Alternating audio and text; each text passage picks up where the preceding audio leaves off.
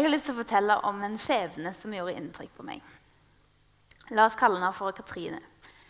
Hun vokser opp i ei lita bygd i det vi gjerne kaller for en trygg heim. Hun har fine foreldre, mor og far, storesøster. Storesøsteren hans er det som vi kanskje kaller for ei flink pike. Hun gjør stort sett det som er forventa av henne. Mens Katrine hun er alltid litt mer trøblete. Utover ungdomsskolen så begynner hun å røyke.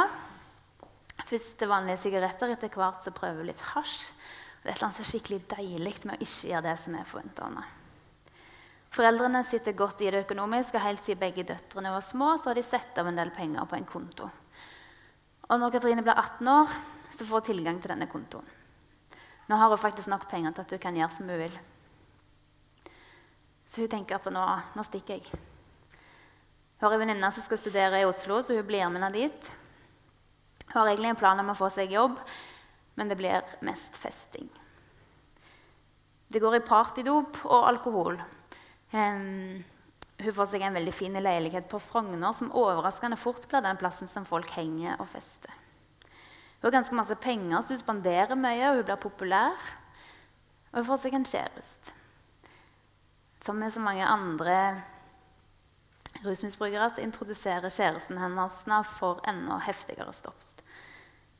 Hun begynner med piller og etter hvert med heroin. Og så snur alt. Kjæresten behandler henne ikke noe fint lenger. Hun begynner å slippe opp for penger. Hun får mer og mer angst og mindre og mindre penger. Hun ruser vekk både bekymringene og resten av pengene. Og hun må ut av leiligheten på Frogner. Hun hadde kanskje tenkt at noen av alle disse vennene som har vært mye hos henne, hadde hjulpet henne nå, når hun trenger det, men de forsvinner fort. Og så står hun der uten kjæreste, uten venner, uten leilighet, uten penger. Hun må ha penger, og hun tør ikke stjele.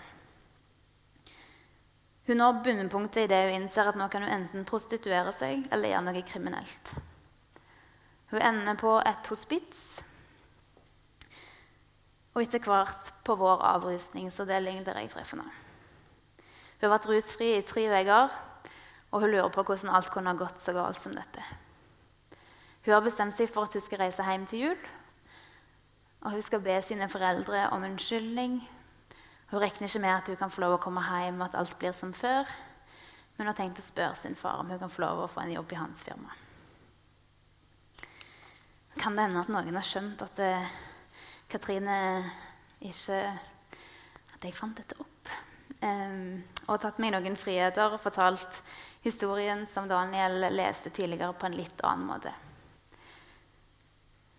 Fordi det fins mange sønner og døtre som føler seg lost. Og denne historien kunne vært sann. For jeg møter folk som har historier som ligner på denne hver eneste dag. Som har liv i tusen knas.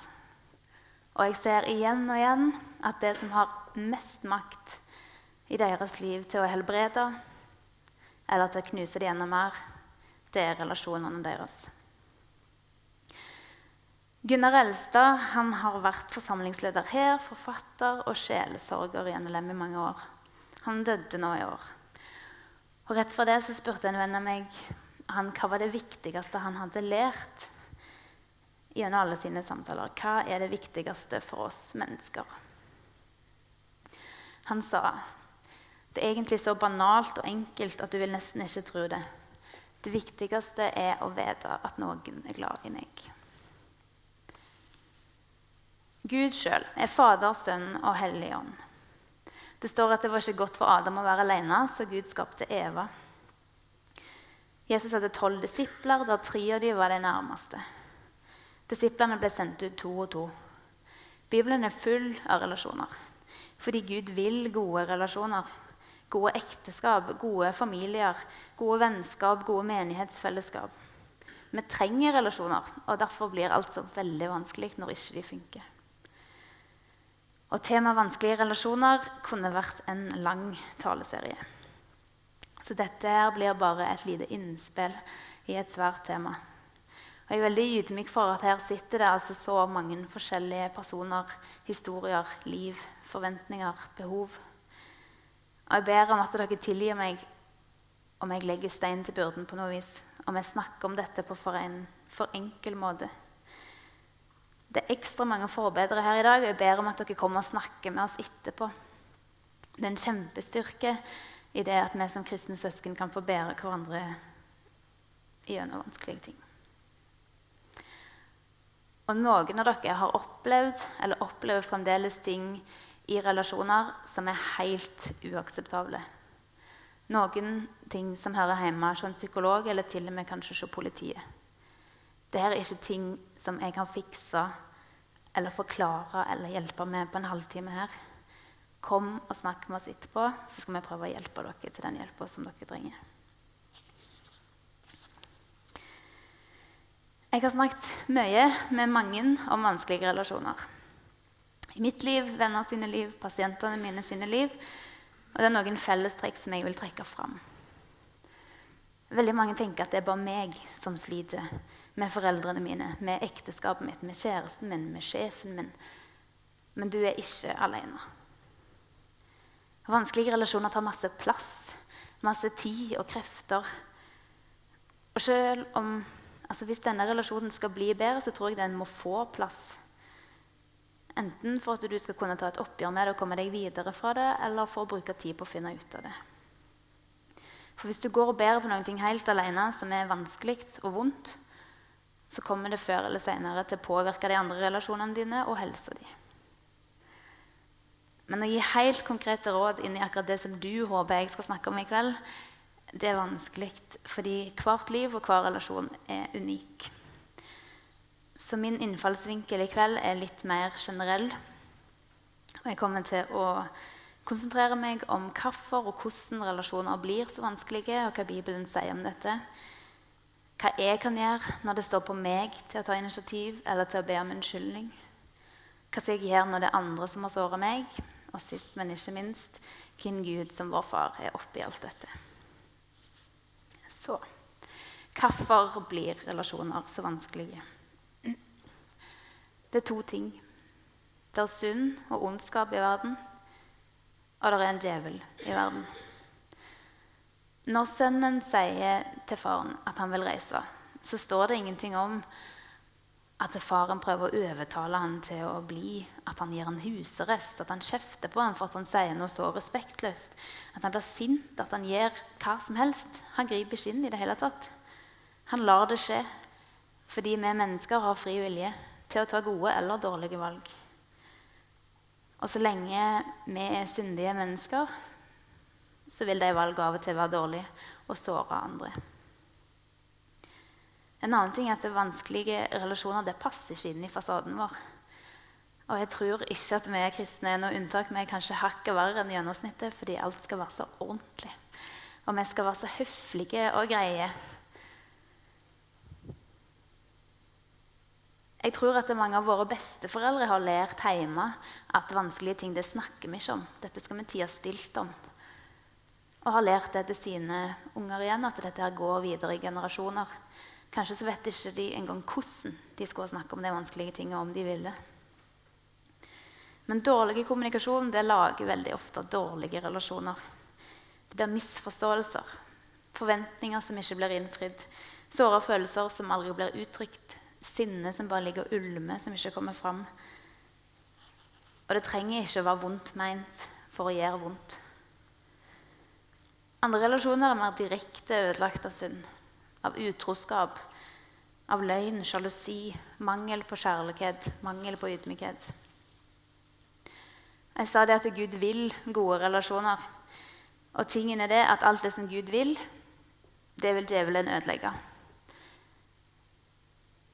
I Johannes 10,10 10, så står det Djevelen vil stjele, drepe og ødelegge. C.S. Lewis har skrevet en bok som heter 'Djevelen dypper pennen'. Der er det en erfaren djevel som skal lære opp sin nevø, den litt sånn nye, unge, uerfarne smådjevelen, um, i hvordan han skal ødelegge for en ung mann i England som nettopp har blitt kristen. Og Onkelen han har massevis av triks. Han sender han 31 brev med forskjellige vinklinger og innfallsvinkler til hvordan han skal ødelegge den kristne trua til denne mannen. for å nevne noen, feste oppmerksomheten på overfladiske ting ved hjelp av en strøm av inntrykk. Ha som vane å irritere seg og misforstå familiemedlemmer og ta ting opp i verste mening. Reagere med ondskapsfullhet istedenfor velvilje. Spille på forfengeligheten hans. La det skure og gå med småsynder og ikke ta oppgjør med noen ting. Knytte seksualitet til utseende og følelser istedenfor trygge, gode rammer. Leide etter å finne svakheter i den lokale kirka og folka som er der. Menighetsshoppe uten noen gang å bli tilfreds med noen og aldri slå seg ned. Benekte eksistensen av det onde. På hver sitt vis så treffer de her innfangsvinklene meg på forskjellige måter. Og Jeg sier ikke dette for å skremme, men fordi jeg tror at det er viktig. For hvis ikke vi erkjenner og er klar over at djevelen fins, og at hans hobby det er å fòre oss med løgner som skal ødelegge vår relasjon til Gud, til oss sjøl og til hverandre, da kan vi heller ikke beskytte oss fra disse angrepene og avsløre løgnene hans. Jesus er sterkest, og Jesus er sannheten. Men det betyr ikke at ikke djevelen kan snakke til oss, og så kan vi velge om vi lytter eller ei. Jeg tror en av djevelen sine favorittløgner det er 'du er ikke god nok'. Og Det tror jeg har fått godt fotfeste blant unge i dag. Jesus sier, 'Du skal elske Herren din Gud av hele ditt hjerte, hele din sjel, av all din forstand.' Og du skal elske de neste som deg sjøl. Jeg kommer tilbake til det med å elske sin neste. Men har du tenkt over at det står at det er et bud, og at Gud sier at du skal elske deg sjøl? At det er en slags forutsetning for å elske din neste. Hvis du ikke er noe glad i deg sjøl, så er det veldig vanskelig å la noen andre være glad i deg.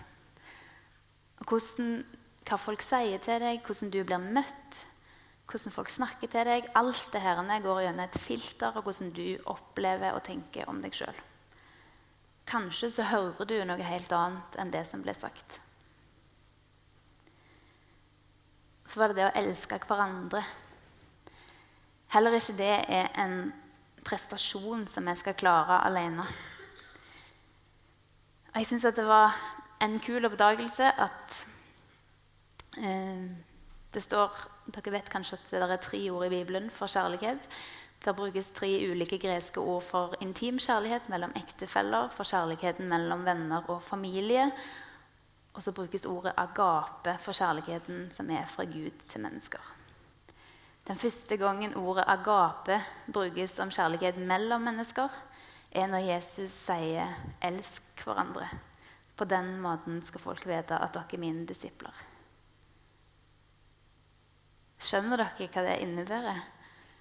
Vi skal faktisk ikke elske hverandre av oss sjøl eller fordi det er fortjent, men fordi Gud gir oss kjærlighet til hverandre. Agapekjærlighet er ufortjent. Den er på tross av omstendighetene. Og sånn Gud elsker oss, skal han òg gi oss kjærlighet og elske hverandre med.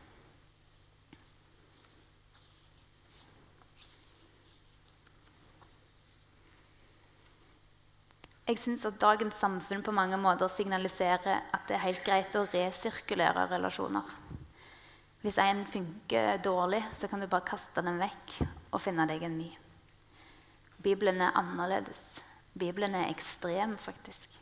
Den sier 'elsk hverandre'. Tilgi hverandre. Ikke fordi det er fortjent eller enkelt, men fordi Gud har elska og tilgitt oss først. Paulus ber menigheten i Efesos om å leve et liv som er verdig det kallet de har fått. I mildhet, ydmykhet og storsinn, så de bærer over med hverandre i kjærlighet. Tenk om det var dette folk sa om oss som kristne. Når vi tenker på vanskelige relasjoner, så tenker vi fort på de som noen andre har gjort vanskelige. Vi føler oss kanskje ofte mer som offeret enn som den skyldige. Noen ganger så er det helt sant, og jeg skal snakke mer om det i øyeblikk.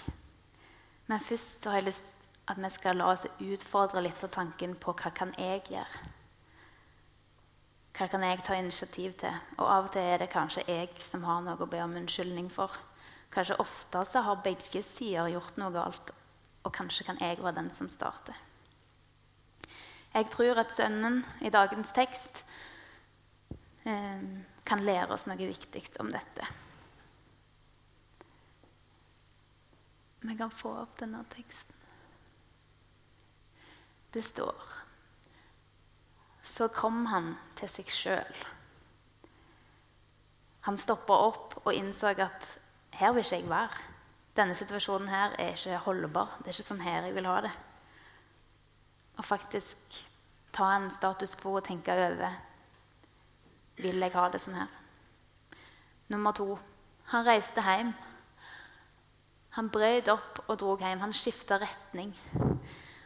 Og jeg mener ikke med det at vi skal bare stikke av fra vanskelige relasjoner. Jeg mener egentlig det motsatte. Jeg mener at vi skal slutte å rømme. Vi skal skifte retning og gå til den personen eller den situasjonen som trengs å ordnes opp i. Og så tenker jeg Denne sønnen hadde dratt til et annet land. En skal ikke se vekk ifra at han møtte noen som gikk et stykke med ham på veien. At han fikk litt hjelp på veien fra der han var, til der han skulle hjem. Og det er lov å trenge hjelp i denne prosessen. Nummer tre. Han sier til sin far, 'Jeg har synda mot himmelen og mot deg.' Han erkjenner at han har gjort feil. Han bekjenner sin synd. Han er ydmyk, og han kommer ikke med noen unnskyldninger. Hvis det skal være en reell unnskyldning, så kan den ikke komme med masse strings attached. Og sist, men ikke minst, han ber om å få være en av tjenerne. For hvis jeg har gjort noe galt i en relasjon og kommer og ber om unnskyldning, så kan jeg ikke anta at jeg skal få lov å ha den samme rolla i den personens liv etterpå. Kanskje så trenger du òg å tilgi deg sjøl. Kanskje så har du allerede stoppa opp, skifta retning, innsett at du gjorde feil og bedt om unnskyldning. Hvis du har bedt Gud om tilgivelse, så er det tilgitt. Det er ikke noe som trengs å repeteres igjen og igjen. Men kanskje så er det flere enn Gud du trenger å be om tilgivelse, og da skal du gjøre det. Men jeg tror samtidig at eh, djevelen bruker ofte synder som egentlig er oppgjort, og såre punkt som vi har, til å holde oss nede, til å holde oss fast.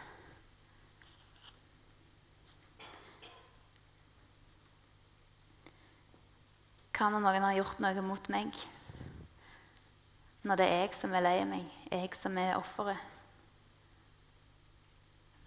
Jeg håper inderlig at den som har gjort deg vondt, kommer til deg og sier 'Dette gjorde jeg'.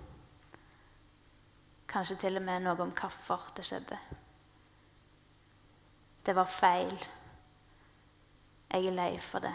Kan du tilgi meg? Men jeg tror ganske mange venter på det, og så skjer det ikke. Og hvordan skal du forholde deg til det da? For det første Gud vet, Gud ser, Gud bryr seg. Uansett hvor vanskelig alle andre relasjoner er, så er han konstant. Nummer to dette trenger du kanskje hjelp med. Vi skal ikke ta lett på hvor viktig det er å gi rom for å finne fram til vanskelige spørsmål og kanskje noen svar på hvorfor ting ble som de ble. Dype sår er vanskelig å ordne opp i alene. Du kan starte prosessen sjøl, du kan be Gud om hjelp, men ofte så er dette noe som man trenger å ta inn i sjelesorgrommet. Vi sier i Fader vår, forlat oss vår skyld som vi òg forlater våre skyldmenn. Det greske ordet for tilgivelse det betyr å la noe gå. Å kutte lenker eller bånd. La det fare. Og la meg bare presisere før jeg oppmuntrer oss alle til å tilgi de som har gjort oss vondt, hva tilgivelse ikke er. Tilgivelse er ikke å si at det var greit. Tilgivelse er ikke tillatelse. Tilgivelse er ikke å bagatellisere det som skjedde. Det er ikke å glemme det som skjedde. Og det sier heller ingenting om relasjonen skal fortsette eller ei etterpå. Men jeg tror ikke at å tilgi er noe som vi bare gjør for den andres skyld. Jeg tror at det båndet som holder den andre fast, holder deg akkurat like mye fast. Jeg tror at det er bitterheten og sorgen og sinnet, det er det du som bærer. Og jeg tror at det ødelegger deg. Jeg tror at tilgivelse setter deg fri. Og jeg tror at av alt Jesus kom og satte oss i frihet for, så er dette en av de tingene. For tilgivelse er ufortjent. Det ligger i situasjonen at noen har gjort noe mot deg. Og tilgivelsen som du kan gi, det er nåde. Det er ikke lett eller fort gjort. Men jeg tenker vi skal ikke se lite på det at vi faktisk kjenner Han som er opphavet til all nåde. Han ba om tilgivelse for de som korsfestet han mens de holdt på. Han har nåde nok for at du syns dette er helt umulig. Og han har nåde nok til å gi deg og dele nåde videre. Han har lyst til å sette deg fri. Noen ganger med et knips, oftest med en prosess. Ved hjelp av gode venner, en trygg voksen, en sjelesørger, en psykolog. Jeg tror det beste vi kan gjøre for våre relasjoner på jord, er å ha en nær relasjon til vår Far i himmelen. Sånn at han ved sin Hellige Ånd kan få lov å gi oss av sine frukter. Kjærlighet, glede, fred, overbærenhet, vennlighet, godhet, trofasthet, ydmykhet og selvbeherskelse. Til slutt så vil jeg si litt om vår far og hvordan relasjonene våre kan påvirke vårt bilde av han. Når jeg var liten, så var mine foreldre mye syke. Og det var ingen som ba meg om å ta ansvar eller ta hensyn. Men allikevel så ble det den rolla jeg tok på meg. Jeg skulle passe på alle sammen. Jeg skulle sørge for at de andre hadde det bra. Jeg var skrekkelig dårlig på å si fra om et eller annet behov jeg hadde. Fordi det var alltid noen andre som hadde et større. Og så ble jeg lege. Kanskje ikke helt tilfeldig. Men det var ikke bare bildet mitt av hvem jeg er, som ble påvirka, men òg gudsbildet mitt. For òg i min relasjon til Gud så tenkte jeg at først og fremst skulle jeg være en tjener. Jeg skulle ordne opp, jeg skulle hjelpe til.